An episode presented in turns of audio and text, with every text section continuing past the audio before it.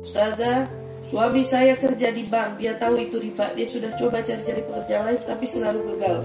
Saya harus bagaimana Ustazah, saya takut akan dosa riba. Kalau bertanya tentang hukum, saya kembalikan saja kepada firman Allah, "Wa may yattaqillah yaj'al lahu makhrajan." Siapa yang bertakwa kepada Allah, Allah akan berikan jalan keluar. Dulu ada kisah seorang pekerja di bank yang tahu bahwa dirinya mendapat gaji dari hasil riba datang kepada seorang ulama di kota Mesir, Imam Syarawi. Dia ceritakan Imam Syarawi membawakan ayat ini sebagaimana saya bawakan.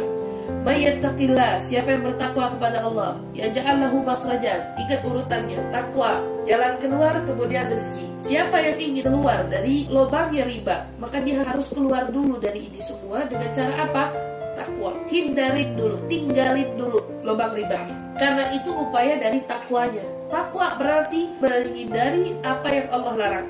Berarti dia suruh keluar dari kerjaannya. Kemudian yang fase kedua, orang kalau sudah bertakwa, menjaga dirinya, Allah akan beri jalan. Kalau ibu bilang suami sudah mencari pekerjaan tapi tidak dapat-dapat juga, ya bisa jadi karena takwanya belum ditempuh. Pintu pertamanya belum diikuti. Ya ja'alahu makhrajan. Ini janjinya Allah. Tahap kedua, jalan keluar. Kemudian wa yarzuquhu min haitsu la yahtasib.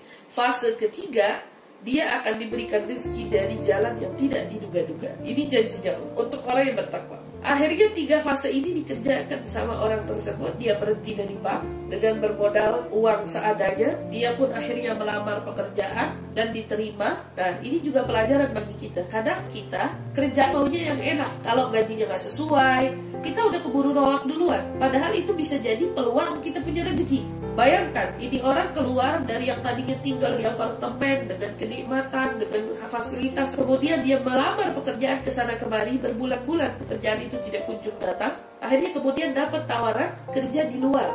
Dia orang Mesir dapat tawaran pekerjaan di Madinah. Berarti harus tinggalin anak bininya. Tapi karena dia pegang janjinya Allah untuk orang yang bertakwa selalu diberi jalan keluar, maka dia anggap penawaran pekerjaan yang jauh ini bentuk dari jalan keluar. Akhirnya dia berangkat ke Madinah. Dia jadi cleaning service. Tapi dia tidak malu karena dia tahu yang penting duit halal. Subhanallah, pekerjaannya memuaskan. Naik jabatannya. Akhirnya dia pun kembali menjadi manajer di salah satu perhotelan berbintang lima di kota Madinah. Anak istrinya pun dia bawa pun untuk tinggal di kota Madinah bersama-sama Bayangkan jalan keluar yang Allah berikan. Mungkin awalnya terlihat hina atau menyulitkan. Jabatan yang tadinya bagus tapi haram. Sementara ini jabatan yang kecil, sementara halal, dia terima dan mengangkatnya kepada kedudukan yang tinggi. Kerja di Madinah berdampingan dengan Nabi Muhammad SAW. Setelah dia bawa istrinya, anak-anaknya ke sana dengan tinggal di tempat yang enak, rumah yang enak, jabatan yang enak, dia pun datang kepada Imam Syarawi lalu berkata, sungguh Allah itu tidak pernah ingkar janji. Takwa, jalan keluar, rezeki.